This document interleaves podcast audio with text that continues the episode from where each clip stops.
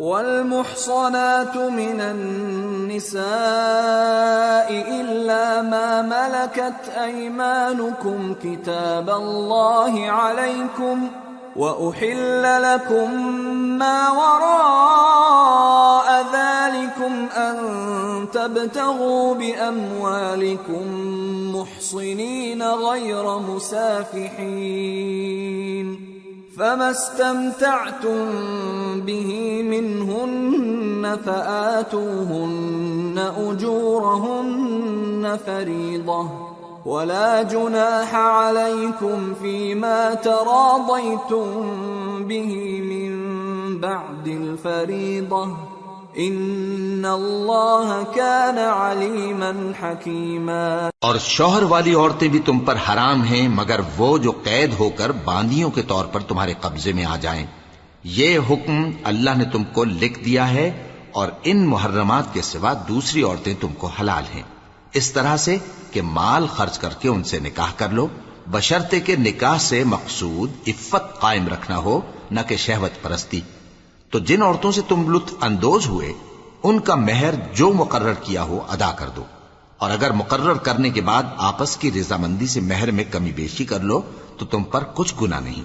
بے شک اللہ سب کچھ جاننے والا ہے، حکمت والا ہے۔ ومن لم يستطع منكم طولا أن ينكح المحصنات المؤمنات فمما ملكت أيمانكم فمما ملكت أيمانكم من فتياتكم المؤمنات والله أعلم بإيمانكم بعضكم من بعض فانكحوهن بإذن أهلهن وآتوهن أجورهن بالمعروف محصنات محصنات غير مسافحات ولا متخذات أخدان.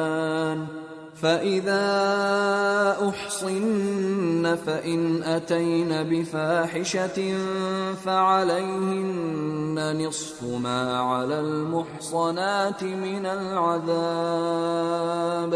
ذلك لمن خشي العنة منكم وأن تصبروا خير لكم والله غفور رحيم. اور جو شخص تم میں سے مومن آزاد عورتوں سے نکاح کرنے کا مقدور نہ رکھے تو مومن باندیوں ہی سے جو تمہارے قبضے میں آ گئی ہوں نکاح کر لے۔ اور اللہ تمہارے ایمان کو اچھی طرح جانتا ہے۔ تم آپس میں ایک دوسرے کے ہم جنس ہو، پھر ان لونڈیوں کے ساتھ ان کے مالکوں سے اجازت حاصل کر کے نکاح کر لو۔ اور دستور کے مطابق ان کا مہر بھی ادا کر دو۔ بشرتے کہ وہ پاک دامن ہوں۔ نہ ایسی کہ کھلم کھلا بدکاری کریں اور نہ در پردہ دوستی کرنا چاہیں۔ پھر اگر وہ نکاح میں آ کر بدکاری کا ارتکاب کر بیٹھیں، تو جو سزا آزاد عورتوں کے لیے ہے، اس کی آدھی ان کو دی جائے۔ یہ باندھی کے ساتھ نکاح کرنے کی اجازت اس شخص کو ہے، جسے گناہ کر بیٹھنے کا اندیشہ ہو۔ اور یہ بات کہ صبر کرو تمہارے لیے بہتر ہے۔ اور اللہ بخشنے والا ہے مہربان ہے۔ يريد الله ليبين لكم ويهديكم سنن الذين من قبلكم ويتوب عليكم والله عليم حكيم اللہ چاہتا ہے کہ اپنی آیتیں تم سے کھول کھول کر بیان فرمائے اور تم کو اگلے لوگوں کے طریقے بتائے اور تم پر مہربانی کرے۔ اور اللہ جاننے والا ہے حکمت والا ہے والله يريد أن يتوب عليكم ويريد الذين يتبعون الشهوات أن تميلوا ميلا عظيما يريد الله أن يخفف عنكم وخلق الإنسان ضعيفا اور اللہ تو چاہتا ہے کہ تم پر مہربانی کرے، اور جو لوگ اپنی خواہشوں کے پیچھے چلتے ہیں، وہ چاہتے ہیں کہ تم سیدھے رستے سے بھٹک کر دور جا پڑو۔ اللہ چاہتا ہے کہ تم پر سے بوجھ ہلکا کرے اور انسان تبان کمزور پیدا ہوا ہے۔ يا أيها الذين آمنوا لا تأكلوا أموالكم بينكم بالباطل إلا إلا أن تكون تجارة عن تراض منكم ولا تقتلوا أنفسكم ان اللہ کان بكم رحیما مومنو، ایک دوسرے کا مال ناحق نہ کھاؤ۔ ہاں اگر آپس کی رضامندی سے تجارت کا لین دین ہو اور اس سے مالی فائدہ حاصل ہو جائے، تو وہ جائز ہے۔ اور اپنے آپ کو ہلاک نہ کرو۔ کچھ شک نہیں کہ اللہ تم پر مہربان ہے۔ ومن يفعل ذلك عدوانا وظلما فسوف نصليه نارا وكان ذلك على الله يسيرا إن تجتنبوا كبائر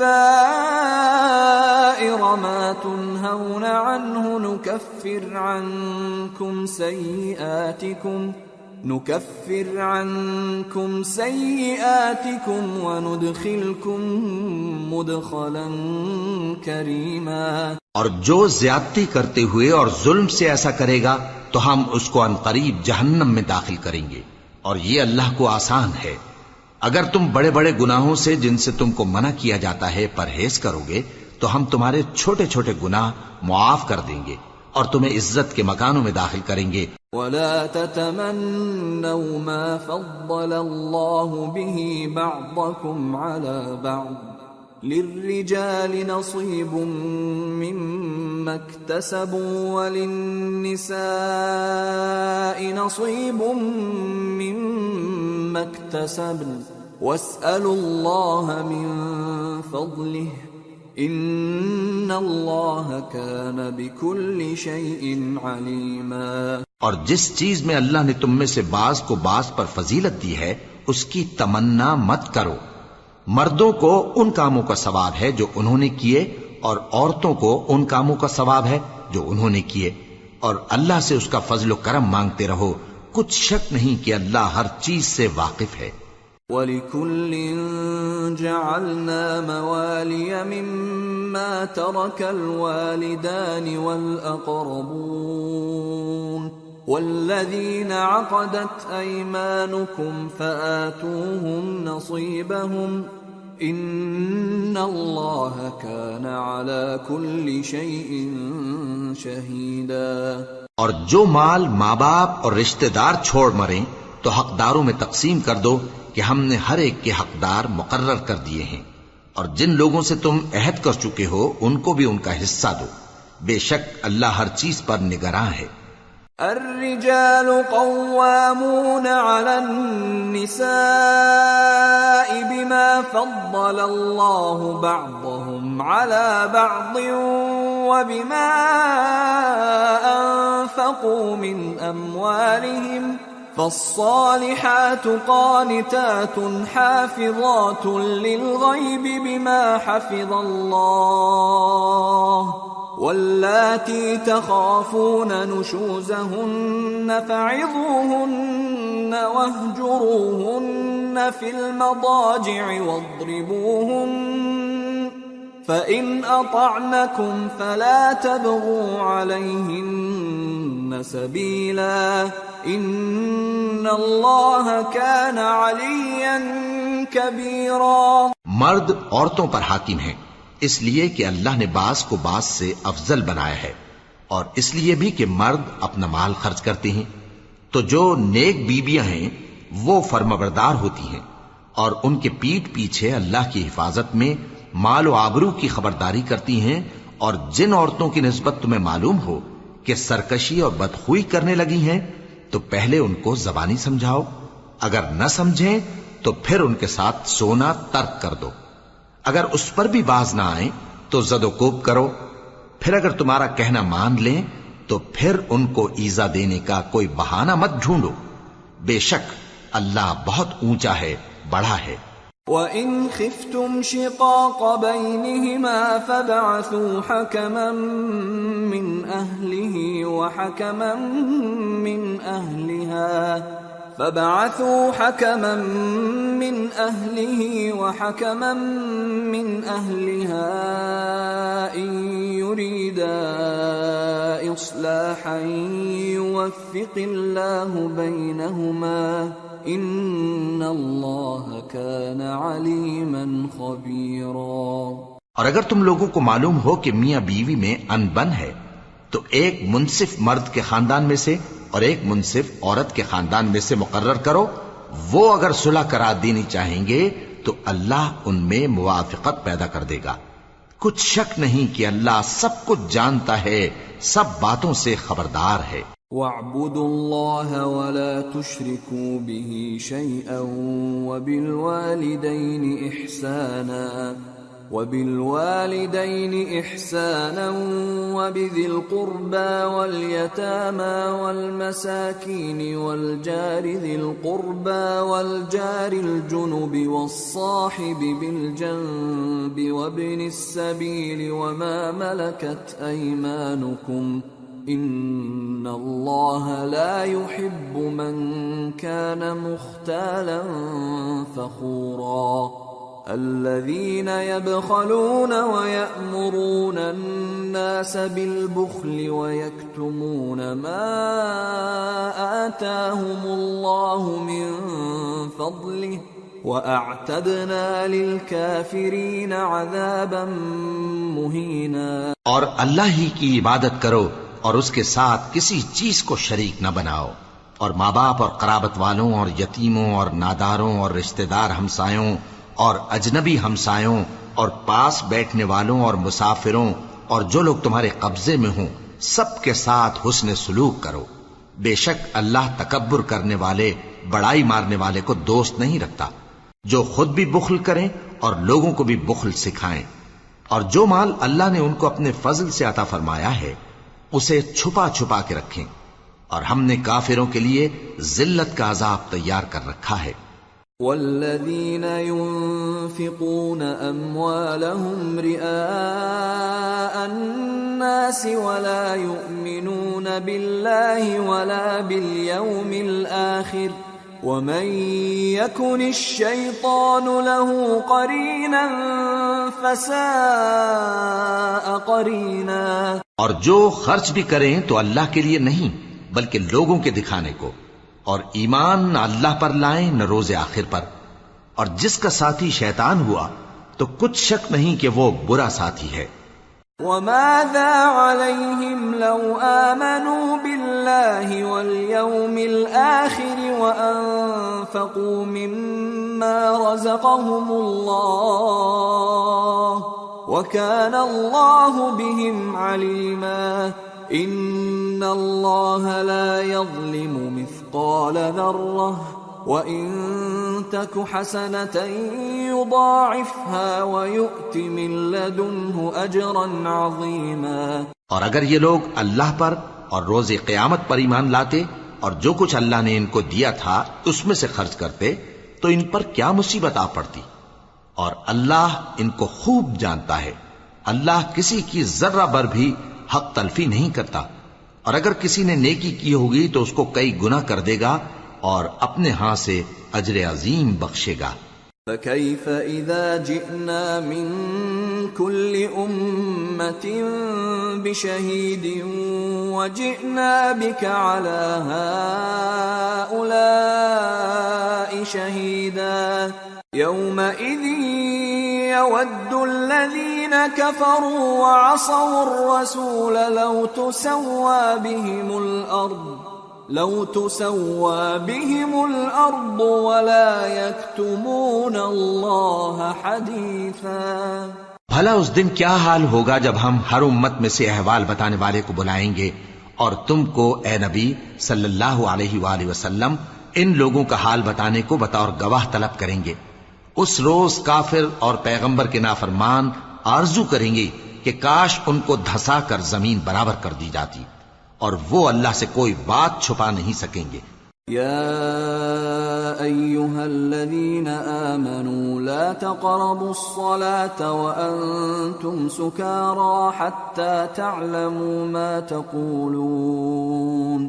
حتى تعلموا ما تقولون ولا جنبا إلا عابري سبيل حتى تغتسلوا وَإِن كُنتُم مَّرْضَىٰ أَوْ عَلَىٰ سَفَرٍ أَوْ جَاءَ أَحَدٌ مِّنكُم مِّنَ الْغَائِطِ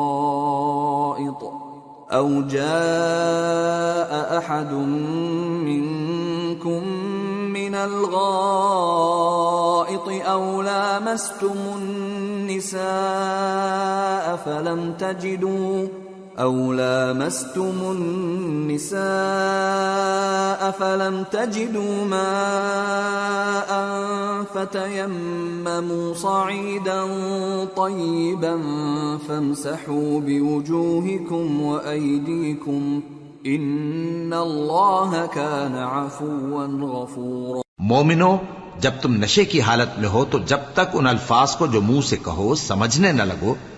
نماز کے پاس نہ جاؤ۔ اور جنابت کی حالت میں بھی نماز کے پاس نہ جاؤ۔ یہاں تک کہ غسل کر لو۔ ہاں اگر بحالت سفر رستے چلے جا رہے ہو اور پانی نہ ملنے کے سبب غسل نہ کر سکو، تو تیمم کر کے نماز پڑھ لو۔ اور اگر تم بیمار ہو یا سفر میں ہو یا کوئی تم میں سے بیت الخلا سے ہو کر آیا ہو یا تم نے عورتوں سے مقاربت کی ہو اور تمہیں پانی نہ ملے، تو پاک مٹی لو اور منہ اور ہاتھوں کا مسا کر کے تیمم کر لو۔ بے شک اللہ معاف کرنے والا ہے بخشنے والا ہے ألم تر إلى الذين أوتوا نصيبا من الكتاب يشترون الضلالة ويريدون أن تضلوا السبيل والله أعلم بأعدائكم وكفى بالله وليا وكفى بالله نصيراً بھلا تم نے ان لوگوں کو نہیں دیکھا جن کو کتاب سے حصہ دیا گیا تھا کہ وہ گمراہی کو خریدتے ہیں اور چاہتے ہیں کہ تم بھی رستے سے بھٹک جاؤ۔ اور اللہ تمہارے دشمنوں سے خوب واقف ہے۔ اور اللہ ہی کافی کارساز ہے اور اللہ ہی کافی مددگار ہے۔ من الذين هادوا يحرفون الكلم عن مواضعه ويقولون سمعنا وعصينا واسمع غير مسمع واسمع غير مسمع وراعنا ليا بألسنتهم وطعنا في الدين. ولو أنهم قالوا سمعنا وأطعنا واسمع وانظرنا لكان خيرا لهم وأقوم ولكن لعنهم الله ولكن لعنهم الله بكفرهم فلا يؤمنون إلا قليلا. اور یہ جو یہودی ہیں ان میں کچھ لوگ ایسے بھی ہیں کہ کتاب اللہ کے کلمات کو ان کے مقامات سے ہٹا دیتی ہیں اور کہتے ہیں کہ ہم نے سن لیا اور نہیں مانا اور کہتے ہیں سنو، نہ سنوائے جاؤ اور زبان کو مروڑ کر اور دین میں تان کی راہ سے تم سے گفتگو کے وقت رائنا کہتی ہیں اور اگر یوں کہتے کہ ہم نے سن لیا اور مان لیا اور صرف اس ماں اور رائنا کی جگہ انظر نہ کہتے تو ان کے حق میں بہتر ہوتا اور بات بھی بہت درست ہوتی۔ لیکن اللہ نے ان کے کفر کے سبب ان پر لانت کر رکھی ہے، تو یہ کچھ تھوڑے ہی ایمان لاتی ہیں۔ یا ایوہا الذین اوتوا الكتاب آمنوا بما نزلنا مصدقا لما معكم من قبل ان نطمس وجوها فنردها فنردها على أدبارها أو نلعنهم كما لعنا أصحاب السبت وكان أمر الله مفعولا. اے کتاب والو، قبل اس کے کہ ہم کچھ چہروں کو مٹا دیں اور پھر ان کی پیٹ کی طرف پھیر دیں یا ان پر اس طرح لانت کریں جس طرح ہفتے والوں پر لانت کی تھی، ہماری نازل فرمائی ہوئی کتاب پر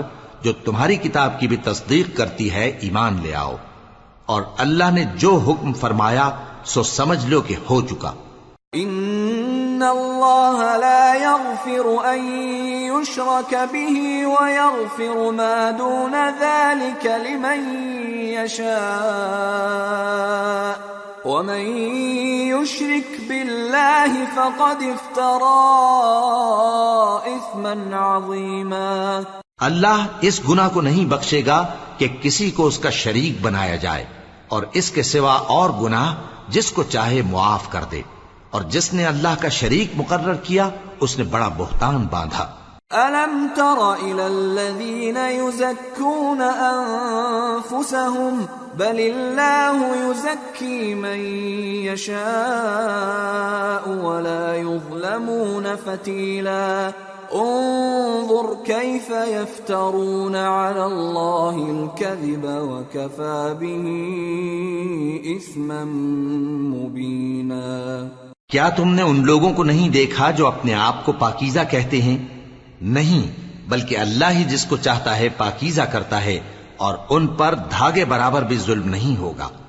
دیکھو، یہ اللہ پر کیسا جھوٹ طوفان باندھتے ہیں، اور یہی کھلا گناہ کافی ہے۔ ألم تر إلى الذين أوتوا نصيبا من الكتاب يؤمنون بالجبت والطاغوت ويقولون ويقولون للذين كفروا هؤلاء أهدى من الذين آمنوا سبيلا أولئك الذين لعنهم الله ومن يلعن الله فلن تجد له نصيرا بھلا تم نے ان لوگوں کو نہیں دیکھا جن کو کتاب سے حصہ دیا گیا ہے کہ بتوں اور شیطان کو مانتے ہیں اور کفار کے بارے میں کہتے ہیں کہ یہ لوگ مومنوں کی نسبت سیدھے رستے پر ہیں۔ یہی لوگ ہیں جن پر اللہ نے لانت کی ہے۔ اور جس پر اللہ لانت کرے تو تم اس کا کسی کو مددگار نہ پاؤ گے۔ أم لهم نصيب من الملك فإذا لا يؤتون الناس نقيرا أم يحسدون الناس على ما آتاهم الله من فضله فقد آتينا آل إبراهيم الكتاب والحكمة وآتيناهم ملكا عظيما فمنهم من آمن به ومنهم من صد عنه وكفى بجهنم سعيرا کیا ان کے پاس بادشاہی کا کچھ حصہ ہے؟ اس صورت میں تو یہ لوگوں کو تل برابر بھی نہ دیں گے۔ یا جو اللہ نے لوگوں کو اپنے فضل سے دے رکھا ہے، اس کا حسد کرتے ہیں۔ تو ہم نے خاندان ابراہیم کو کتاب اور دانائی عطا فرمائی تھی اور سلطنت عظیم بھی بخشی تھی۔ پھر لوگوں میں سے کسی نے تو اس کتاب کو مانا اور کوئی اس سے رکا رہا۔ تو ان نہ ماننے والوں کے لیے دوزخ کی جلتی ہوئی آگ کافی ہے۔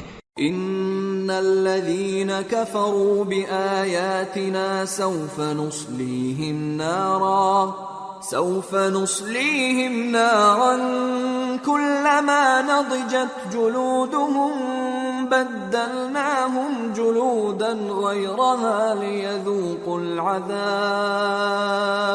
إن الله كان عزيزا حكيما. والذين آمنوا وعملوا الصالحات سندخلهم جنات. سندخلهم جنات تجري من تحتها الأنهار خالدين فيها أبدا. لهم فيها أزواج مطهرة. وَنُدْخِلُهُمْ ظِلًّا ظَلِيلًا. جن لوگوں نے ہماری آیتوں سے کفر کیا، ان کو ہم انقریب آگ میں داخل کریں گے۔ جب کبھی ان کی کھالیں گل جائیں گی تو ہم ان کو اور کھالیں بدل کر دیں گے تاکہ ہمیشہ عذاب کا مزہ چکتے رہیں۔ بے شک اللہ غالب ہے، حکمت والا ہے۔ اور جو لوگ ایمان لائے اور عمل نیک کرتے رہے، ان کو ہم بہشتوں میں داخل کریں گے۔ جن کے نیچے نہریں بہ رہی ہیں، وہ ان میں ہمیشہ ہمیشہ رہیں گے۔ وہاں ان کے لیے پاک بیویاں ہیں اور ان کو ہم گھنے سائے میں داخل کریں گے۔ ان اللہ یأمرکم ان تؤدوا الامانات إلى أهلها وإذا حكمتم بين الناس أن تحكموا بالعدل إن الله نعم ما يعظكم به إن الله كان سميعا بصيرا مسلمانوں اللہ تم کو حکم دیتا ہے کہ امانت والوں کی امانتیں ان کے حوالے کر دیا کرو، اور جب لوگوں میں فیصلہ کرنے لگو تو انصاف سے فیصلہ کیا کرو۔ اللہ تمہیں بہت خوب نصیحت کرتا ہے، بے شک اللہ سنتا ہے، دیکھتا ہے۔ يا ايها الذين امنوا اطيعوا الله واطيعوا الرسول واولي الامر منكم فان تنازعتم في شيء فردوه الى الله والرسول ان كنتم تؤمنون بالله واليوم الاخر ذلك خير واحسن تاويلا مومنو، اللہ اور اس کے رسول کی فرما برداری کرو اور جو تم میں سے صاحب حکومت ہیں، ان کی بھی۔ پھر اگر کسی بات میں تم میں اختلاف واقع ہو، تو اگر اللہ اور روز آخر پر ایمان رکھتے ہو، تو اس میں اللہ اور اس کے رسول کے حکم کی طرف رجوع کرو۔ یہ بہت اچھی بات ہے اور اس کا انجام بھی اچھا ہے۔ ألم تر إلى الذين يزعمون أنهم آمنوا بما أنزل إليك وما أنزل من قبلك يريدون يريدون أن يتحاكموا إلى الطاغوت وقد أمروا أن يكفروا به ويريد الشيطان أن يضلهم ويريد الشيطان أن يضلهم ضلالا بعيدا. وإذا قيل لهم تعالوا إلى ما أنزل الله وإلى الرسول رأيت المنافقين يصدون عنك صدودا فكيف إذا أصابتهم مصيبة بما قدمت أيديهم ثم جاءوك ثم جاءوك يحلفون بالله إن أردنا إلا إحسانا وتوفيقا. کیا تم نے ان لوگوں کو نہیں دیکھا جو دعویٰ تو یہ کرتے ہیں کہ جو کتاب تم پر نازل ہوئی اور جو کتابیں تم سے پہلے نازل ہوئیں، ان سب پر ایمان رکھتے ہیں اور چاہتے یہ ہیں کہ اپنا مقدمہ اللہ کے باغی کے پاس لے جا کر فیصل کرائیں۔ حالانکہ ان کو حکم دیا گیا تھا کہ اس کو نہ مانے اور شیطان تو یہ چاہتا ہے کہ ان کو بہکا کر رستے سے دور ڈال دے۔ اور جب ان سے کہا جاتا ہے کہ جو حکم اللہ نے نازل فرمایا، اس کی طرف رجوع کرو اور پیغمبر کی طرف آؤ، تو تم منافقوں کو دیکھتے ہو کہ تم سے گریز کرتے اور رکے جاتے ہیں۔ پھر کیسی ندامت کی بات ہے کہ جب ان کے اعمال کی شامت سے ان پر کوئی مصیبت واقع ہوتی ہے تو تمہارے پاس بھاگے آتی ہیں اور قسمیں کھاتے ہیں کہ واللہ، ہمارا مقصود تو بھلائی اور مصالحت تھا۔ أولئك الذين يعلم الله ما في قلوبهم فأعرض عنهم وعظهم وقل لهم فأعرض عنهم وعظهم وقل لهم في أنفسهم قولا بليغا وما أرسلنا من رسول إلا ليطاع بإذن الله ولو أنهم إذ ظلموا أنفسهم جاءوك فاستغفروا الله جاءوك فاستغفروا الله واستغفر لهم الرسول لوجدوا الله توابا رحيما ان لوگوں کے دلوں میں جو جو کچھ ہے، اللہ اس کو خوب جانتا ہے۔ تم ان کی باتوں کا کچھ خیال نہ کرو اور انہیں نصیحت کرو اور ان سے ایسی باتیں کہو جو ان کے دلوں میں اثر کر جائیں۔ اور ہم نے جو پیغمبر بھی بھیجا ہے تو اسی لیے بھیجا ہے کہ اللہ کے فرمان کے مطابق اس کا حکم مانا جائے۔ اور یہ لوگ جب اپنے حق میں ظلم کر بیٹھے تھے، اگر تمہارے پاس آتے اور اللہ سے بخشش مانگتے اور پیغمبر بھی ان کے لیے بخشش طلب کرتے، تو اللہ کو معاف کرنے والا بڑا مہربان پاتے۔ فلا وربك لا يؤمنون حتى يحكموك فيما شجر بينهم ثم لا يجدوا ثم لا يجدوا في أنفسهم حرجا مما قضيت ويسلموا تسليما. ولو أنا كتبنا عليهم أن اقتلوا أنفسكم أو اخرجوا من دياركم ما فعلوه ما فعلوه إلا قليل منهم ولو أنهم فعلوا ما يوعظون به لكان خيرا لهم لكان خيرا لهم وأشد تثبيتا.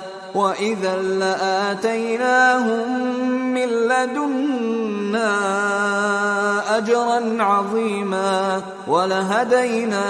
صراطا مستقيما پس تمہارے پروردگار کی قسم، یہ لوگ جب تک اپنے تنازعات میں تمہیں منصف نہ بنائیں اور جو فیصلہ تم کر دو، اس سے اپنے دل میں تنگ بھی نہ ہوں، بلکہ اس کو خوشی سے مان لیں، تب تک مومن نہیں ہوں گے۔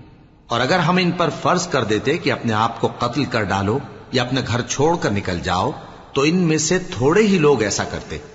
اور اگر یہ اس نصیحت پر کاربند ہوتے جو ان کو کی جاتی ہے، تو ان کے حق میں بہتر اور دین میں زیادہ ثابت قدمی کا موجب ہوتا۔ اور اس صورت میں ہم ان کو اپنے ہاتھ سے اجر عظیم بھی عطا فرماتے اور ان کو سیدھا رستہ بھی دکھاتے۔ ومن يطع الله والرسول فأولئك مع الذين أنعم الله عليهم فأولئك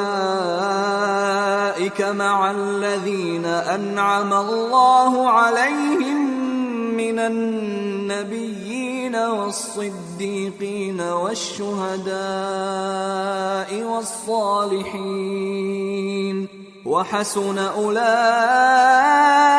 رفيقا. ذلك الفضل من الله. وكفى بالله عليما. اور جو لوگ اللہ اور اس کے رسول کی اطاعت کرتے ہیں، وہ قیامت کے روز ان لوگوں کے ساتھ ہوں گے جن پر اللہ نے بڑا فضل کیا یعنی انبیاء اور صدیق اور شہید اور صالحین۔ اور ان لوگوں کی رفاقت بہت ہی خوب ہے۔ یہ اللہ کا فضل ہے اور اللہ جاننے والا کافی ہے۔ آمنوا خذوا حذركم فانفروا ثبات او انفروا جميعا وإن منكم لمن ليبطئن وَإِنَّ مِنكُمْ لَمَن لَّيُبَطِّئَنَّ فَإِنْ أَصَابَتْكُم مُّصِيبَةٌ قَالَ قَدْ أَنْعَمَ اللَّهُ عَلَيَّ إِذْ لَمْ أَكُن مَّعَهُمْ شَهِيدًا وَلَئِنْ أَصَابَكُمْ فَضْلٌ مِّنَ اللَّهِ لَيَقُولَنَّ لَيَقُولَنَّ كَأَن لَّمْ تَكُن بَيْنَكُمْ وَبَيْنَهُ مَوَدَّةٌ يَا لَيْتَنِي كُنتُ مَعَهُمْ، يَا لَيْتَنِي كُنتُ مَعَهُمْ فَأَفُوزَ فَوْزًا عَظِيمًا۔ مومنو، جہاد کے لیے ہتھیار لے لیا کرو۔ پھر یا تو جماعت جماعت ہو کر نکلا کرو یا سب اکٹھے کوچ کیا کرو۔ اور تم میں کوئی ایسا بھی ہے کہ خواہ دیر لگاتا ہے اور پیچھے رہ جاتا ہے۔ پھر اگر تم پر کوئی مصیبت پڑ جائے تو کہتا ہے کہ اللہ نے مجھ پر بڑی مہربانی کی کہ میں ان میں موجود نہ تھا۔ اور اگر اللہ تم پر فضل کرے تو اس طرح سے کہ گویا تم میں اس میں دوستی تھی ہی نہیں، افسوس کرتا اور کہتا ہے کہ کاش میں بھی ان کے ساتھ ہوتا تو مقصد عظیم حاصل ہوتا۔ فليقاتل في سبيل الله الذين يشرون الحياة الدنيا بالآخرة ومن يقاتل في سبيل الله فيقتل او يغلب فسوف نؤتيه اجرا عظيما اب جو لوگ آخرت کو خریدتے اور اس کے بدلے دنیا کی زندگی کو بیچنا چاہتے ہیں، ان کو چاہیے کہ اللہ کی راہ میں جنگ کریں اور جو شخص اللہ کی راہ میں جنگ کرے، پھر شہید ہو جائے یا غلبہ پائے، ہم انقریب اس کو بڑا ثواب دیں گے۔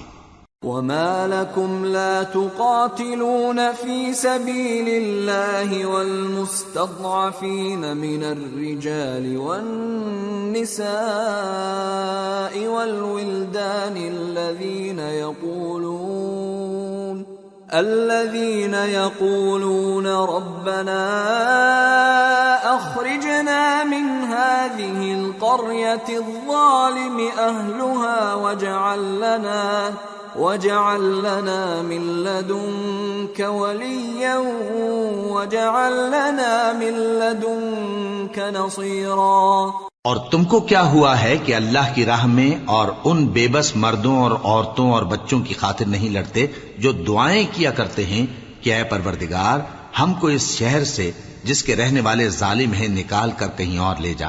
اور اپنی طرف سے کسی کو ہمارا حامی بنا اور اپنی ہی طرف سے کسی کو ہمارا مددگار مقرر فرما۔ الذين آمنوا يقاتلون في سبيل الله والذين كفروا يقاتلون في سبيل الطاغوت فقاتلوا أولياء الشيطان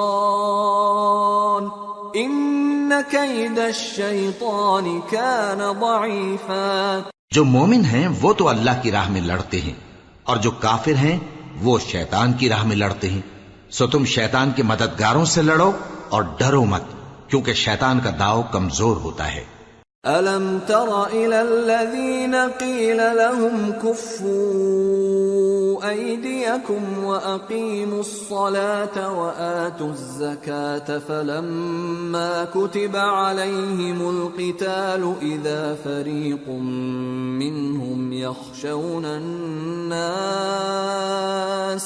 يخشون الناس كخشية الله أو أشد خشية.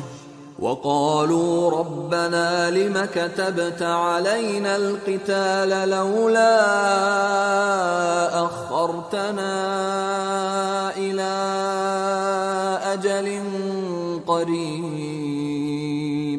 قل متاع الدنيا قليل والآخرة خير لمن اتقى ولا تظلمون فتيلاً أينما تكونوا يدرككم الموت ولو كنتم في بروج مشيدة وإن تصبهم حسنة يقولوا هذه من عند الله وإن تصبهم سيئة يقولوا هذه من عندك قل كل من عند الله فما لهؤلاء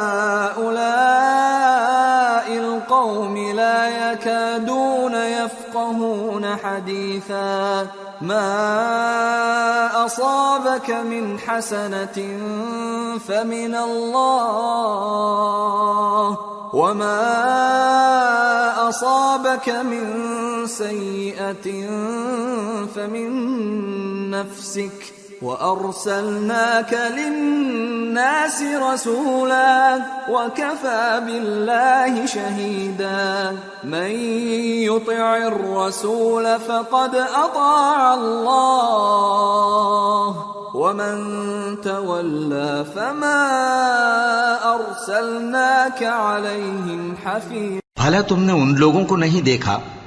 جن کو پہلے یہ حکم دیا گیا تھا کہ اپنے ہاتھوں کو جنگ سے روکے رہو اور نماز پڑھتے اور زکات دیتے رہو۔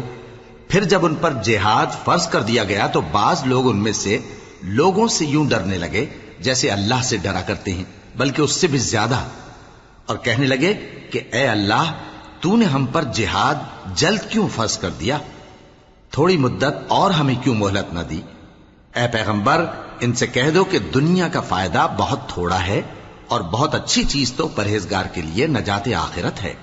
اور تم پر دھاگے برابر بھی ظلم نہیں کیا جائے گا۔ اے جہاد سے ڈرنے والو، تم کہیں رہو، موت تو تمہیں آ کر رہے گی۔ خواہ مضبوط قلوں میں رہو۔ اور ان لوگوں کو اگر کوئی فائدہ پہنچتا ہے تو کہتے ہیں، یہ اللہ کی طرف سے ہے۔ اور اگر کوئی مصیبت پہنچتی ہے تو اے پیغمبر، تم سے کہتے ہیں کہ یہ آپ کی وجہ سے ہمیں پہنچی ہے۔ کہہ دو کہ رنج و راحت سب اللہ ہی کی طرف سے ہے۔ ان لوگوں کو کیا ہو گیا ہے کہ بات بھی نہیں سمجھ سکتے؟ اے آدمزاد تجھ کو جو فائدہ پہنچے وہ اللہ کی طرف سے ہے اور جو نقصان پہنچے وہ تیری ہی شامت اعمال کی وجہ سے ہے۔ اور اے نبی، ہم نے تم کو لوگوں کی ہدایت کے لیے پیغمبر بنا کر بھیجا ہے اور اس بات کا اللہ ہی گواہ کافی ہے۔ جو شخص رسول کی فرما برداری کرتا ہے تو بے شک اس نے اللہ کی فرما برداری کی۔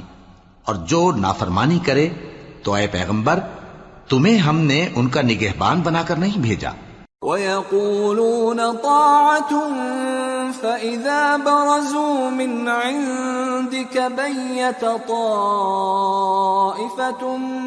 مِّنْهُمْ غَيْرَ الَّذِي تَقُولُ وَاللَّهُ يَكْتُبُ مَا يُبَيِّتُونَ فَأَعْرِضْ عَنْهُمْ وَتَوَكَّلْ عَلَى اللَّهِ وكفى بالله وكيلا أفلا يتدبرون القرآن ولو كان من عند غير الله لوجدوا فيه اختلافا كثيرا اور یہ لوگ منہ سے تو کہتے ہیں کہ آپ کی فرما برداری دل سے منظور ہے مگر جب تمہارے پاس سے چلے جاتے ہیں تو ان میں سے بعض لوگ رات کو تمہاری باتوں کے خلاف مشورے کرتے ہیں اور جو مشورے یہ کرتے ہیں، اللہ ان کو لکھ لیتا ہے۔ سو ان کا کچھ خیال نہ کرو اور اللہ پر بھروسہ رکھو اور اللہ ہی کافی کارساز ہے۔ بھلا یہ قرآن میں غور کیوں نہیں کرتے؟ اگر یہ اللہ کے سوا کسی اور کا کلام ہوتا تو اس میں وہ بہت سا اختلاف پاتے۔ واذا جاءهم أمر من الامن أو الخوف اذاعوا به ولو ردوه إلى الرسول والى اولي الامر منهم لعلمه الذين يستنبطونه منهم ولولا فضل الله عليكم ورحمته لاتبعتم الشيطان الا قليلا. اور جب ان کے پاس امن یا خوف کی کوئی خبر پہنچتی ہے تو اسے مشہور کر دیتی ہیں۔ حالانکہ اگر اس کو پیغمبر اور اپنے ذمہ داروں کے پاس پہنچاتے تو تحقیق کرنے والے اس کی تحقیق کر لیتے۔ اور اگر تم پر اللہ کا فضل اور اس کی مہربانی نہ ہوتی تو چند آدمیوں کے سوا تم سب شیطان کے پیرا ہو جاتے۔ فقاتل في سبيل الله لا تكلف إلا نفسك وحرض المؤمنين عسى الله أن يكف بأس الذين كفروا والله أشد بأسا وأشد تنكيلا سو اے پیغمبر اللہ کی راہ میں لڑو، تم اپنے سوا کسی کے ذمہ دار نہیں ہو۔ اور مومنوں کو بھی ترغیب دو۔ قریب ہے کہ اللہ کافروں کی لڑائی کو بند کر دے۔ اور اللہ شدید ترین جنگ کرنے والا ہے اور سزا دینے کے لحاظ سے بھی بہت سخت ہے۔ من يشفع شفاعة حسنة يكن له نصيب منها ومن يشفع شفاعة سيئة يكن له كفل منها وكان الله على كل شيء مقيتا. جو شخص نیک بات کی سفارش کرے تو اس کو اس کے ثواب میں سے حصہ ملے گا، اور جو بری بات کی سفارش کرے، اس کو اس کے عذاب میں سے حصہ ملے گا، اور اللہ ہر چیز پر قدرت رکھتا ہے۔ وَإِذَا حُيِّيتُم بِتَحِيَّةٍ فَحَيُّوا بِأَحْسَنَ مِنْهَا أَوْ رُدُّوهَا إِنَّ اللَّهَ كَانَ عَلَى كُلِّ شَيْءٍ حَسِيبًا. الله لا إله إلا هو ليجمعنكم إلى يوم القيامة لا ريب فيه ومن أصدق من الله حديثا اور جب تم کو کوئی دعا دے، تو جواب میں تم اس سے بہتر کلمے سے اسے دعا دو یا انہی لفظوں سے دعا دو۔ بے شک اللہ ہر چیز کا حساب لینے والا ہے۔ اللہ وہ معبود برحق ہے کہ اس کے سوا کوئی عبادت کے لائق نہیں۔ وہ قیامت کے دن تم سب کو ضرور جمع کرے گا اور اللہ سے بڑھ کر بات کا سچا کون ہوگا؟ فما لكم في المنافقين فئتين والله أركسهم بما كسبوا أتريدون أن تهدوا من أضل الله ومن يضلل الله فلن تجد له سبيلا اب کیا سبب ہے کہ مسلمانوں تم منافقوں کے بارے میں دو گروہ بن گئے ہو؟ حالانکہ اللہ نے ان کو ان کے کرتوتوں کے سبب اوندھا کر دیا ہے۔ کیا تم چاہتے ہو کہ جس شخص کو اللہ نے گمراہ رہنے دیا ہے، اس کو رستے پر لے آؤ؟ اور جس شخص کو اللہ گمراہ رہنے دے، تم اس کے لیے کبھی بھی رستہ نہیں پاؤ گے۔ ودوا لو تكفرون كما كفروا فتكونون سواء فلا تتخذوا منهم أولياء حتى يهاجروا في سبيل الله. فإن تولوا فخذوهم وقتلوهم حيث وجدتموهم ولا تتخذوا منهم وليا ولا نصيرا۔ وہ تو یہ چاہتے ہیں کہ جس طرح وہ خود کافر ہیں، اسی طرح تم بھی کافر ہو کر سب برابر ہو جاؤ۔ تو جب تک وہ اللہ کی راہ میں وطن نہ چھوڑ جائیں، ان میں سے کسی کو دوست نہ بنانا۔ اگر ترک وطن کو قبول نہ کریں تو ان کو پکڑ لو اور جہاں پاؤ قتل کر دو، اور ان میں سے کسی کو اپنا رفیق اور مددگار نہ بناؤ۔ إلا الذين يصلون إلى قوم بينكم وبينهم ميثاق أو جاءوكم حصرت صدورهم أن يقاتلوكم أو يقاتلوا قومهم ولو شاء الله لسلطهم عليكم فلقاتلوكم فإن اعتزلوكم فلم يقاتلوكم وألقوا إليكم السلم فما جعل الله لكم عليهم سبيلا مگر جو لوگ ایسے لوگوں سے جا ملے ہوں جن میں اور تم میں صلح کا عہد ہو، یا اس حال میں کہ ان کے دل تمہارے ساتھ یا اپنی قوم کے ساتھ لڑنے سے بھیج رہے ہوں، تمہارے پاس آ جائیں، تو اور بات ہے۔ اور اگر اللہ چاہتا تو ان کو تم پر غالب کر دیتا، تو وہ تم سے ضرور لڑتے۔ پھر اگر وہ تم سے کنارہ کشی کریں یعنی تم سے نہ لڑیں اور تمہاری طرف صلح کا پیغام بھیجیں، تو اللہ نے تمہارے لیے ان پر زبردستی کرنے کی کوئی سبیل مقرر نہیں کی۔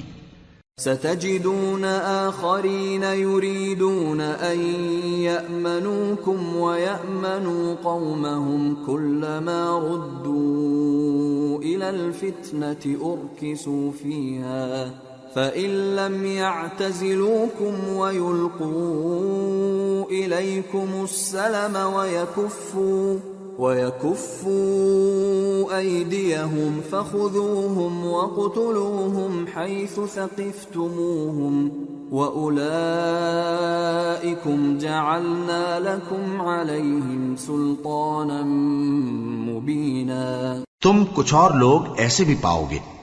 جو یہ چاہتے ہیں کہ تم سے بھی امن میں رہیں اور اپنی قوم سے بھی امن میں رہیں۔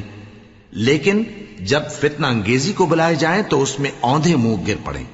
تو ایسے لوگ اگر تم سے لڑنے سے کنارہ کشی نہ کریں اور نہ تمہاری طرف پیغام صلح بھیجیں اور نہ اپنے ہاتھوں کو روکیں، تو ان کو پکڑ لو اور جہاں پاؤ قتل کر دو۔ اور انہی لوگوں کے مقابلے میں ہم نے تمہیں کھلی چھوٹ دے دی۔ وما كان لمؤمن أن يقتل مؤمنا إلا خطأ ومن قتل مؤمنا خطأ فتحرير رقبة مؤمنة ودية مسلمة ودية مسلمة إلى أهله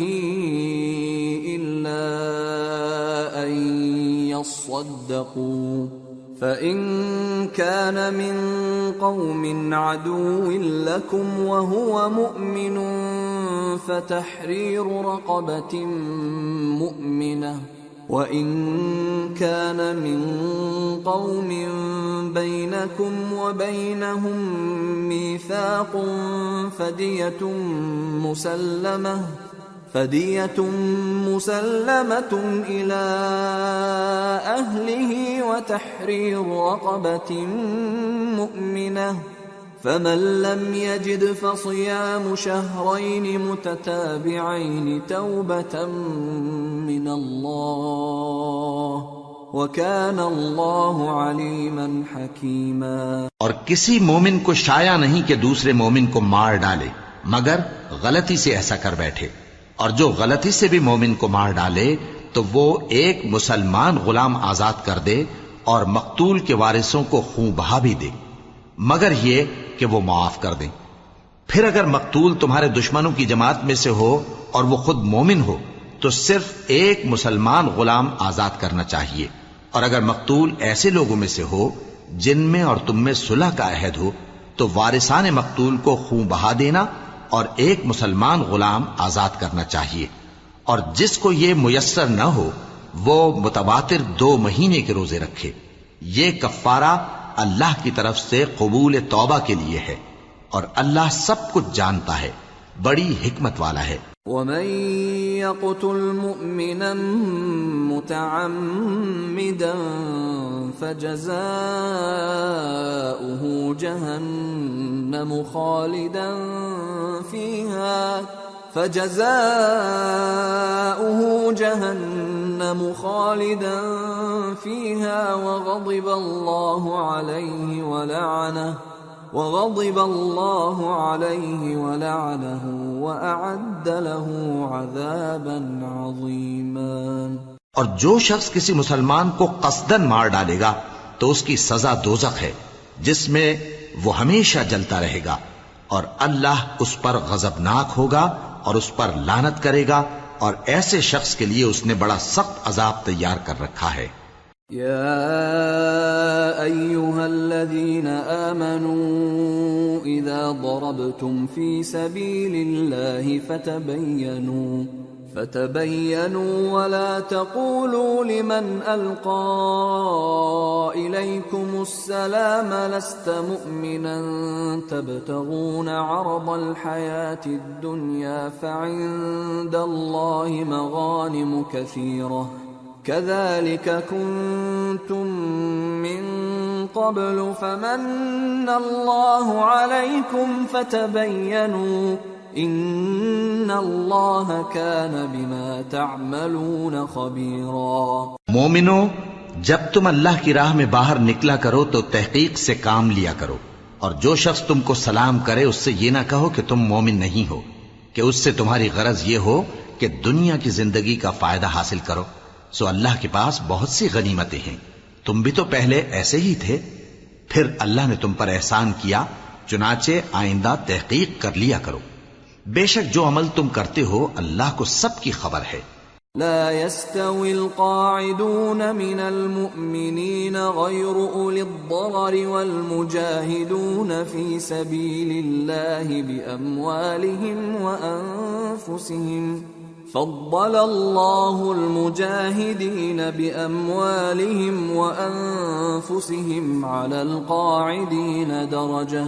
وكلا وعد الله الحسنى وفضل الله المجاهدين على القاعدين أجرا عظيما. درجات منه ومغفرة ورحمة.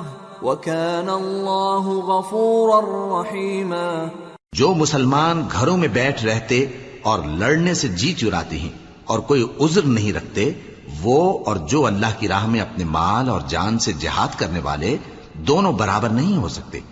مال اور جان سے جہاد کرنے والوں کو بیٹھ رہنے والوں پر اللہ نے درجے میں فضیلت بخشی ہے اور بہترین انجام کا وعدہ اللہ نے سب سے کیا ہے۔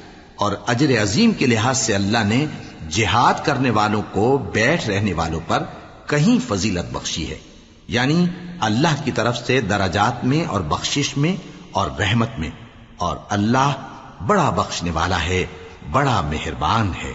ان الذين توفاهم الملائكه ظالمي انفسهم قالوا فيما كنتم قالوا كنا مستضعفين في الأرض قالوا ألم تكن أرض الله واسعة فتهاجروا فيها فأولئك مأواهم جهنم وساءت مصيرا جو لوگ اپنی جانوں پر ظلم کرتے ہیں، جب فرشتے ان کی جان قبض کرنے لگتے ہیں، تو ان سے پوچھتے ہیں کہ تم کس حال میں تھے؟ وہ کہتے ہیں کہ ہم ملک میں آجز و ناتواں تھے۔ فرشتے کہتے ہیں، کیا اللہ کا ملک فراخ نہیں تھا کہ تم اس میں ہجرت کر جاتے؟ پس ایسے لوگوں کا ٹھکانہ دوزخ ہے اور وہ بری جگہ ہے لوٹنے کی۔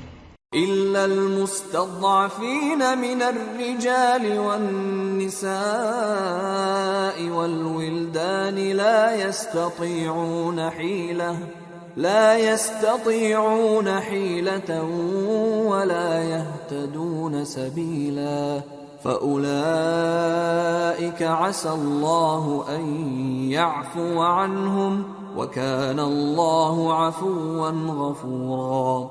وَمَن يُهَاجِرْ فِي سَبِيلِ اللَّهِ يَجِدْ فِي الْأَرْضِ مُرَاغَمًا كَثِيرًا وَسَعَةً ومن يخرج من بيته مهاجرا إلى الله ورسوله ثم يدركه الموت ثم يدركه الموت فقد وقع اجره على الله وكان الله غفورا رحيما ها جو مرد اور عورتیں اور بچے بے بس ہیں کہ نہ تو کوئی تدبیر کر سکتے ہیں اور نہ رستہ ہی جانتے ہیں تو قریب ہے کہ اللہ ایسوں کو معاف کر دے اور اللہ بڑا معاف کرنے والا ہے، بڑا بخشنے والا ہے۔ اور جو شخص اللہ کی راہ میں گھر بار چھوڑ جائے، وہ زمین میں بہت سی رہنے کی جگہ اور کشائش پائے گا۔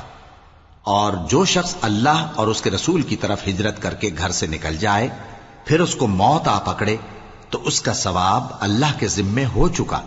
اور اللہ بڑا بخشنے والا ہے، بڑا مہربان ہے۔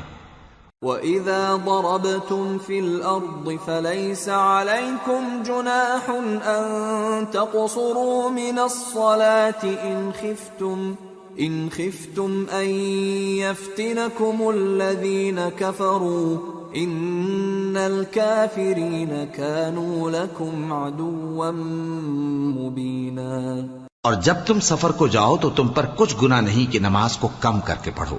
بشرتے کہ تم کو خوف ہو کہ کافر لوگ تم کو ستائیں گے۔ بے شک کافر تمہارے کھلے دشمن ہیں۔ وَإِذَا كُنْتَ فِيهِمْ فَأَقَمْتَ لَهُمُ الصَّلَاةَ فَلْتَقُمْ طَائِفَةٌ مِّنْهُمْ مَعَكَ فَلْتَقُمْ طَائِفَةٌ مِّنْهُمْ مَعَكَ وَلْيَأْخُذُوا أَسْلِحَتَهُمْ فَإِذَا سَجَدُوا فَلْيَكُونُوا فَإِذَا سَجَدُوا فَلْيَكُونُوا مِنْ وَرَائِكُمْ وَلْتَأْتِ طَائِفَةٌ أُخْرَى لَمْ يُصَلُّوا وَلْتَأْتِ طَائِفَةٌ أُخْرَى لَمْ يُصَلُّوا فَلْيُصَلُّوا مَعَكَ وَلْيَأْخُذُوا حِذْرَهُمْ وَأَسْلِحَتَهُمْ ود الذين كفروا لو تغفلون عن أسلحتكم وأمتعتكم فيميلون عليكم ميلة واحدة ولا جناح عليكم إن كان بكم أذى من مطر أو كنتم مرضى أو كنتم مرضى أن تضعوا أسلحتكم وخذوا حذركم إن اللہ أعد للكافرین عذابا مہینا فَإِذَا قَضَيْتُمُ الصَّلَاةَ فَاذْكُرُوا اللَّهَ قِيَامًا وَقُعُودًا وَعَلَى جُنُوبِكُمْ فَإِذَا طُمَأْنَنْتُمْ فَأَقِيمُوا الصَّلَاةَ إِنَّ الصَّلَاةَ كَانَتْ عَلَى الْمُؤْمِنِينَ كِتَابًا مَوْقُوتًا اے پیغمبر جب تم ان مجاہدین کے لشکر میں ہو اور ان کو نماز پڑھانے لگو تو چاہیے کہ ان کی ایک جماعت تمہارے ساتھ مسلح ہو کر کھڑی رہے۔ جب وہ سجدہ کر چکے تو تم سے پیچھے چلے جائیں۔ اور دوسری جماعت جس نے نماز نہیں پڑھی، ان کی جگہ آئے اور ہوشیار اور مسلح ہو کر تمہارے ساتھ نماز ادا کرے۔ کافر تو چاہتے ہی ہیں کہ تم ذرا اپنے ہتھیاروں اور سامان سے غافل ہو جاؤ کہ تم پر یکبارگی حملہ کر دیں۔ اور اگر تم بارش کے سبب تکلیف میں ہو یا بیمار ہو، تو تم پر کچھ گنا نہیں کہ ہتھیار اتار رکھو، مگر اپنا بچاؤ ضرور کر رکھو۔ اللہ نے کافروں کے لیے ذلت کا عذاب تیار کر رکھا ہے۔ پھر جب تم یہ نماز تمام کر چکو، تو کھڑے اور بیٹھے اور لیٹے ہر حالت میں اللہ کو یاد کرو۔ پھر جب تم مطمئن ہو جاؤ، تو پورے آداب کے ساتھ نماز پڑھو۔ بے شک نماز کا مومنوں پر اوقات مقررہ میں ادا کرنا فرض ہے۔ ولا تهنوا في ابتغاء القوم إن تكونوا تألمون فإنهم يألمون۔ إن تكونوا تألمون فإنهم يألمون كما تألمون۔ وترجون من الله ما لا يرجون وكان الله عليما حكيما اور ان کفار کا پیچھا کرنے میں سستی نہ کرنا۔ اگر تم بے آرام ہوتے ہو، تو جس طرح تم بے آرام ہوتے ہو، اسی طرح وہ بھی بے آرام ہوتی ہیں۔ اور تم تو اللہ سے ایسی ایسی امیدیں رکھتے ہو جو وہ نہیں رکھتے۔ اور اللہ سب کچھ جانتا ہے، بڑی حکمت والا ہے۔ انزلنا اليك الكتاب بالحق لتحكم بين الناس بما اراك الله ولا تكن للخائنين خصيما واستغفر الله ان اللہ كان غفورا رحیما اے پیغمبر، ہم نے تم پر سچی کتاب نازل کی ہے تاکہ اللہ کی ہدایات کے مطابق لوگوں کے مقدمات فیصل کرو۔ اور دیکھو دغبازوں کی حمایت میں کبھی بحث نہ کرنا۔ اور اللہ سے بخشش مانگتے رہو، بے شک اللہ بخشنے والا ہے، بڑا مہربان ہے۔ ولا تجادل عن الذين يختارون أنفسهم إن الله لا يحب من كان خوانا أثيما يستخفون من الناس ولا يستخفون من الله وهو معهم وهو معهم إذ يبيتون ما لا يرضى من القول وكان الله بما يعملون محيطا اور جو لوگ اپنے ہم جنسوں کی خیانت کرتے ہیں، ان کی طرف سے بحث نہ کرنا، کیونکہ اللہ دغاباز اور گناہگار کو دوست نہیں رکھتا۔ یہ لوگوں سے تو چھپتے ہیں اور اللہ سے نہیں چھپتے۔ حالانکہ جب یہ راتوں کو ایسی باتوں کے مشورے کیا کرتے ہیں، جن کو وہ پسند نہیں کرتا، تو وہ ان کے ساتھ ہوا کرتا ہے۔ اور اللہ ان کے تمام کاموں کا احاطہ کیے ہوئے ہے أنتم جادلتم عنهم في الحياة الدنيا فمن يجادل الله عنهم يوم القيامة أم من يكون عليهم وكيلا ومن يعمل سوءا أو يظلم نفسه ثم يستغفر الله يجد الله غفورا رحيما۔ بھلا تم لوگ دنیا کی زندگی میں تو ان کی طرف سے بحث کر لیتے ہو۔ سو قیامت کے دن ان کی طرف سے اللہ کے ساتھ کون بحث کرے گا؟ اور کون ان کا وکیل بنے گا؟ اور جو شخص کوئی برا کام کر بیٹھے یا اپنے حق میں ظلم کر لے پھر اللہ سے بخشش مانگے تو اللہ کو بڑا بخشنے والا بڑا مہربان پائے گا۔ ومن يكسب اثما فانما يكسبه على نفسه۔ وكان الله عليما حكيما ومن يكسب خطيئة أو إثما ثم يرم به بريئا ثم يرم به بريئا فقد احتمل بهتانا وإثما مبينا. اور جو کوئی گناہ کرتا ہے تو اس کا وبال اسی پر ہے اور اللہ سب کچھ جاننے والا ہے، حکمت والا ہے۔ اور جو شخص کوئی قصور یا گناہ تو خود کرے، لیکن اس کا الزام کسی بے گناہ پر ڈال دے، تو اس نے بہتان اور کھلے گناہ کا بوجھ اپنے سر پر رکھا۔ ولولا فضل الله عليك ورحمته لهم الطائفة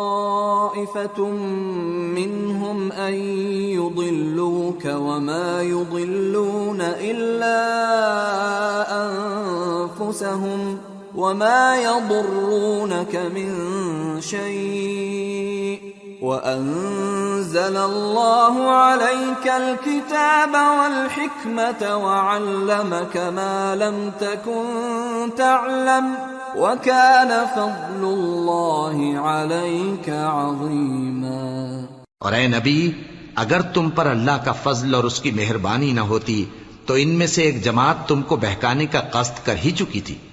اور یہ اپنے سوا کسی کو بہکا نہیں سکتے، اور نہ تمہارا کچھ بگاڑ سکتے ہیں۔ اور اللہ نے تم پر کتاب اور حکمت نازل فرمائی ہے اور تمہیں وہ باتیں سکھائی ہیں جو تم نہیں جانتے تھے۔ اور تم پر تو اللہ کا بڑا فضل رہا ہے۔ لا خير في كثير من نجواهم إلا من أمر بصدقة أو معروف أو إصلاح بين الناس۔ ومن يفعل ذلك ابتغاء مرضات الله فسوف نؤتيه أجرا عظيما ان لوگوں کی بہت سی سرگوشیاں اچھی نہیں۔ ہاں اس شخص کی سرگوشی اچھی ہو سکتی ہے جو خیرات یا نیک بات یا لوگوں میں صلح کرنے کو کہے۔ اور جو ایسے کام اللہ کی خوشنودی حاصل کرنے کے لیے کرے گا، تو ہم اس کو بڑا ثواب دیں گے۔ ومن يشاقق الرسول من بعد ما تبين له الهدى ويتبع غير سبيل المؤمنين ويتبع غير سبيل المؤمنين نوله ما تولى ونصله جهنم وساءت مصيرا اور جو شخص سیدھا رستہ معلوم ہونے کے بعد پیغمبر کی مخالفت کرے اور مومنوں کے رستے کے سوا کسی اور رستے پر چلے، تو جدھر وہ چلتا ہے، ہم اسے ادھر ہی چلا دیں گے اور قیامت کے دن اسے جہنم میں داخل کریں گے۔ اور وہ بری جگہ ہے۔ ان الله لا يغفر ان يشرك به ويغفر ما دون ذلك لمن يشاء ومن يشرك بالله فقد ضل ضلالا بعيدا. إن يدعون من دونه إلا اناثا وإن يدعون إلا وإن يدعون إلا شيطانا مريدا. لعنه الله وقال لأتخذن من عبادك نصيبا مفروضا ولأضلنهم ولأمنينهم ولآمرنهم فليبتكن آذان الأنعام ولآمرنهم ولآمرنهم فليغيرن خلق الله ومن يتخذ الشيطان وليا من دون الله فقد خسر خسرانا مبينا يعدهم ويمنيهم وما يعدهم الشيطان إلا غرورا أولئك مأواهم جهنم ولا يجدون عنها محيصا۔ اللہ اس گنا کو نہیں بخشے گا کہ کسی کو اس کا شریک بنایا جائے اور اس کے سوا اور گناہ جس کو چاہے گا بخش دے گا۔ اور جس نے اللہ کے ساتھ شریک بنایا تو بے شک وہ رستے سے دور جا پڑا۔ یہ لوگ اللہ کے سوا جو پرستش کرتے ہیں تو کچھ دیویوں کی اور پکارتے بھی ہیں تو شیطان سرکش ہی کو۔ جس پر اللہ نے لانت کی ہے اور وہ اللہ سے کہنے لگا، میں تیرے بندوں سے غیر اللہ کی نیاز دلوا کر مال کا ایک مقرر حصہ لے لیا کروں گا اور ان کو گمراہ کرتا اور انہیں امیدیں دلاتا رہوں گا اور یہ سکھاتا رہوں گا کہ جانوروں کے کان چیرتے رہیں اور انہیں سمجھاتا رہوں گا، تو وہ اللہ کی بنائی ہوئی صورتوں کو بگاڑتے رہیں گے۔ اور جس شخص نے اللہ کو چھوڑ کر شیطان کو دوست بنایا، وہ صاف صاف گھاٹے میں رہا۔ وہ ان کو وعدے دیتا ہے اور امیدیں دلاتا ہے اور جو کچھ شیطان انہیں وعدے دیتا ہے، وہ دھوکا ہی دھوکا ہے۔ ایسے لوگوں کا ٹھکانہ جہنم ہے اور وہ وہاں سے کوئی راہ فرار نہیں پا سکیں گے۔ والذین آمنوا وعملوا الصالحات سندخلهم جنات سندخلهم جنات تجري من تحتها الأنهار خالدين فيها أبدا. وعد الله حقا ومن أصدق من الله قيلا. اور جو لوگ ایمان لائے اور نیک کام کرتے رہے، ان کو ہم بہشتوں میں داخل کریں گے، جن کے نیچے نہریں جاری ہیں، وہ ہمیشہ ہمیشہ ان میں رہیں گے۔ یہ اللہ کا سچا وعدہ ہے اور اللہ سے زیادہ بات کا سچا کون ہو سکتا ہے؟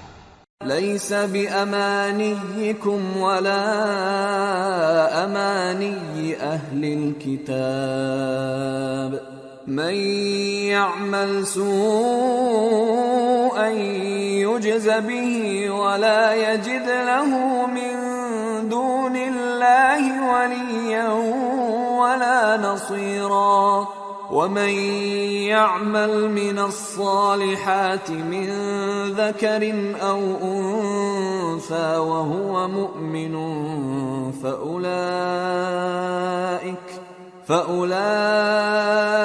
يدخلون الجنة ولا يظلمون نقيرا مسلمانوں نجات نہ تو تمہاری آرزوؤں پر ہے اور نہ اہل کتاب کی آرزوؤں پر۔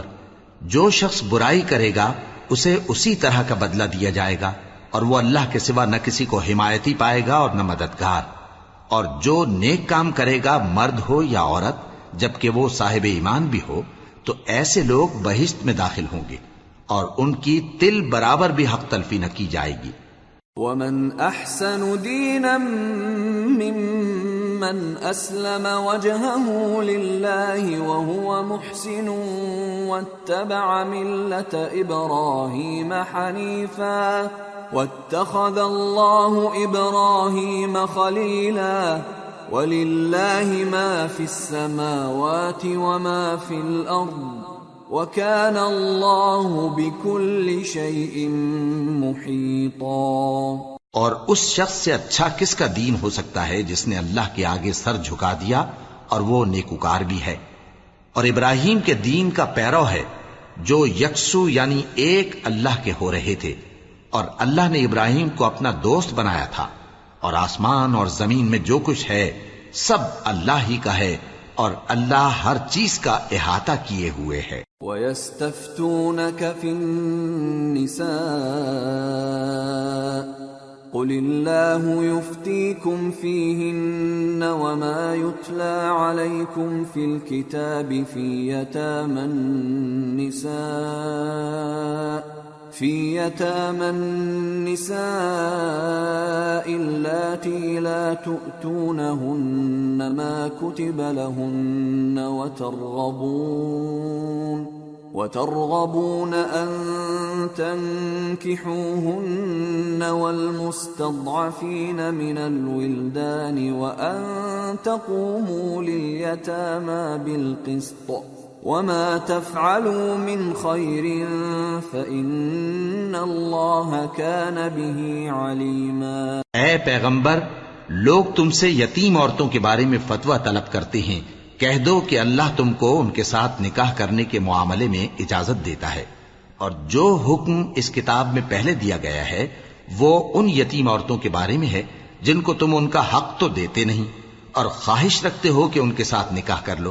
اور نیز بچارے بے کس بچوں کے بارے میں، اور یہ بھی حکم دیتا ہے کہ یتیموں کے بارے میں انصاف پر قائم رہو، اور جو بھلائی تم کرو گے تو بے شک اللہ اس کو جانتا ہے۔ وَإِنِ امْرَأَةٌ خَافَتْ مِنْ بَعْلِهَا نُشُوزًا أَوْ إِعْرَاضًا فَلَا جُنَاحَ عَلَيْهِمَا فلا جناح عليهما أن يصلحا بينهما صلحا والصلح خير وأحضرت الأنفس الشح وإن تحسنوا وتتقوا فإن الله كان بما تعملون خبيرا اور اگر کسی عورت کو اپنے خاوند کی طرف سے زیادتی یا بے رخی کا اندیشہ ہو تو میاں بیوی پر کچھ گنا نہیں کہ آپس میں کسی قرارداد پر صلح کر لیں۔ اور صلح خوب چیز ہے۔ اور طبیعتیں تو خود غرضی کی طرف مائل ہوتی ہی ہیں۔ اور اگر تم نیکوکاری اور پرہیزگاری کرو گے تو اللہ تمہارے سب کاموں سے واقف ہے۔ ولن تستطيعوا أن تعدلوا بين النساء ولو حرصتم فلا تميلوا كل الميل فتذروها كالمعلقة وَإِن تُصْلِحُوا وَتَتَّقُوا فَإِنَّ اللَّهَ كَانَ غَفُورًا رَحِيمًا اور تم خواہ کتنا ہی چاہو، بیویوں میں ہرگز عدل نہیں کر سکو گے۔ تو ایسا بھی نہ کرنا کہ ایک ہی کی طرف ڈھل جاؤ اور دوسری کو ایسی حالت میں چھوڑ دو کہ گویا ادھر میں لٹک رہی ہے۔ اور اگر آپس میں مصالحت کر لو اور پرہیزگاری کرو، تو اللہ بخشنے والا ہے، بڑا مہربان ہے۔ وَإِن يَتَفَرَّقَا يُغْنِ اللَّهُ كُلًّا مِّن سَعَتِهِ وكان الله واسعا حكيما ولله ما في السماوات وما في الأرض ولقد وصينا الذين اوتوا الكتاب من قبلكم واياكم ان اتقوا الله وان تكفروا فان لله ما في السماوات وما في الأرض وكان الله غنيا حميدا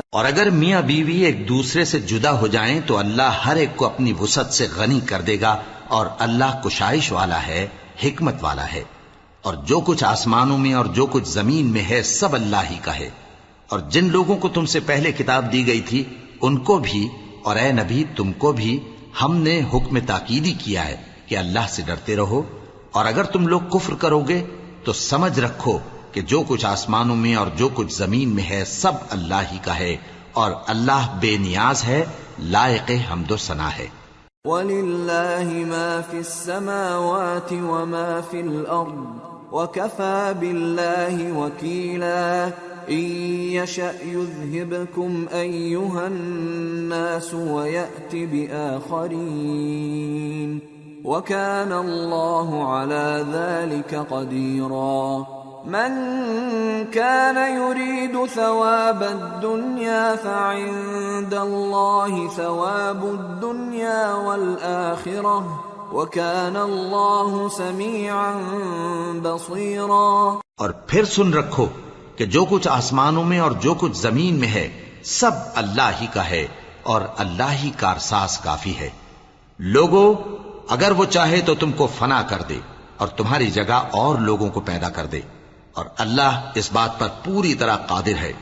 جو شخص دنیا ہی کے ثواب کا طالب ہو تو اسے معلوم ہو کہ اللہ کے پاس دنیا اور آخرت دونوں کا ثواب موجود ہے اور اللہ سنتا ہے، دیکھتا ہے۔ یا أيها الذين آمنوا كونوا قوامين بالقسط شهداء لله ولو على أنفسكم ولو على أنفسكم أو الوالدين والأقربين إن يكن غنيا أو فقيرا فالله أولى بهما فلا تتبعوا الهوى أن تعدلوا وإن تلووا أو تعرضوا فإن الله كان بما تعملون خبيرا اے ایمان والو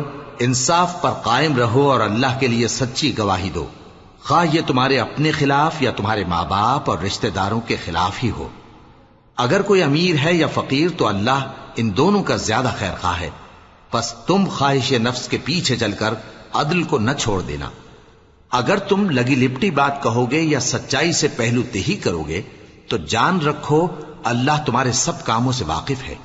يا أيها الذين آمنوا آمنوا بالله ورسوله والكتاب الذي نزل على رسوله والكتاب الذي نزل على رسوله والكتاب الذي أنزل من قبل ومن يكفر بالله وملائكته وكتبه ورسله واليوم الآخر فقد ضل ضلالا بعيدا مومنو، اللہ پر اور اس کے رسول پر اور جو کتاب اس نے اپنے اس پیغمبر پر نازل کی ہے اور جو کتابیں اس سے پہلے نازل کی تھیں، سب پر ایمان رکھو۔ اور جو شخص اللہ اور اس کے فرشتوں اور اس کی کتابوں اور اس کے پیغمبروں اور روز قیامت سے کفر کرے، وہ رستے سے بھٹک کر دور جا پڑا۔ ان الذين امنوا ثم كفروا ثم امنوا ثم كفروا ثم ازدادوا كفرا لم يكن الله ليغفر لهم ولا ليهديهم سبيلا بشر المنافقين بأن لهم عذابا اليما. الذين يتخذون الكافرين أولياء من دون المؤمنين. أيبتغون عندهم العزة فإن العزة لله جميعا. جو لوگ ایمان لائے پھر کافر ہو گئے۔ پھر ایمان لائے، پھر کافر ہو گئے۔ پھر کفر میں بڑھتے گئے۔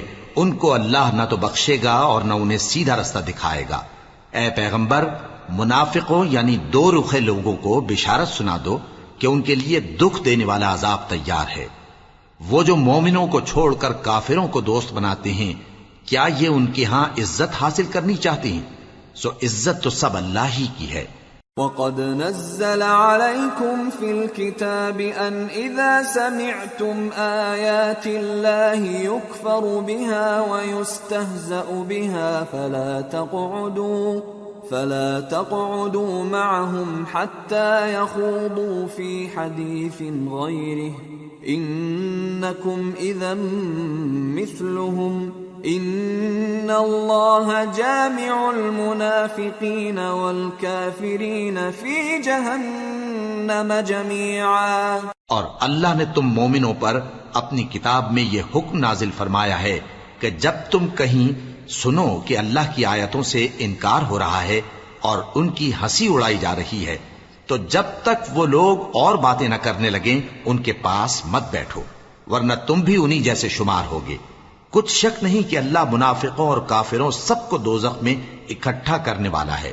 الذين يتربصون بكم فإن كان لكم فتح من الله قالوا ألم نكن معكم وإن كان للكافرين نصيب قالوا قالوا ألم نستحوذ عليكم ونمنعكم من المؤمنين فالله يحكم بينكم يوم القيامة ولن يجعل الله للكافرين على المؤمنين سبيلا جو تم کو دیکھتے رہتے ہیں پھر اگر اللہ کی طرف سے تم کو فتح ملے تو کہتے ہیں، کیا ہم تمہارے ساتھ نہ تھے؟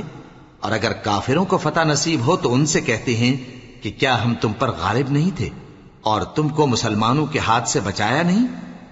اب اللہ تم سب میں قیامت کے دن فیصلہ کر دے گا اور اللہ کافروں کو مومنوں پر ہرگز غلبہ نہیں دے گا۔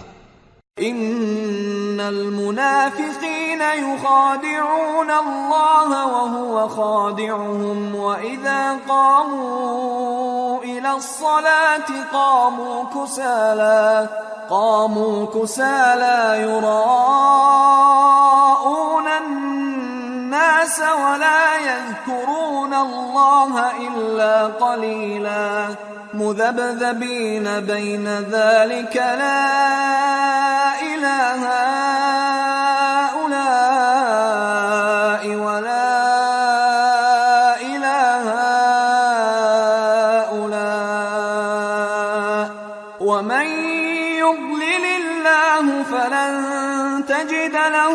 سبيلا منافق ان چالوں سے اپنے نزدیک اللہ کو دھوکہ دیتی ہیں یہ اس کو کیا دھوکہ دیں گے؟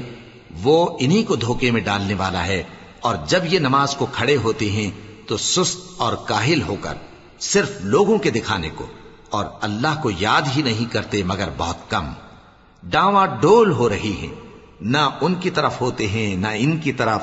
اور جس کو اللہ بھٹکائے تو تم اس کے لیے کبھی بھی رستہ نہ پاؤ گے۔ يا أيها الذين آمنوا لا تتخذوا الكافرين أولياء من دون المؤمنين أتريدون أن تجعلوا لله عليكم سلطانا مبينا ان المنافقين في الدرك الاسفل من النار ولن تجد لهم نصيرا. اے اہل ایمان، مومنوں کے سوا کافروں کو دوست نہ بناؤ۔ کیا تم چاہتے ہو کہ اپنے اوپر اللہ کا سری الزام لو؟ کچھ شک نہیں کہ منافق لوگ دوزخ کے سب سے نچلے درجے میں ہوں گے اور تم ان کا کسی کو مددگار نہ پاؤ گے۔ إلا الذين تابوا وأصلحوا واعتصموا بالله وأخلصوا دينهم لله فأولئك فأولئك مع المؤمنين وسوف يؤت الله المؤمنين اجرا عظيما. ما يفعل الله بعذابكم إن شكرتم وآمنتم وكان الله شاكرا عليما. ہاں جنہوں نے توبہ کی اور اپنی حالت کو درست کر لیا اور اللہ کی رسی کو مضبوط پکڑ لیا اور خالص اللہ کے حکم بردار ہو گئے۔ تو ایسے لوگ مومنوں کے ساتھ ہوں گے اور اللہ ان قریب مومنوں کو بڑا ثواب دے گا۔ اگر تم لوگ اللہ کے شکر گزار ہو اور اس پر ایمان لے آؤ، تو اللہ تم کو عذاب دے کر کیا کرے گا؟ اور اللہ تو قدر شناس ہے، دانا ہے۔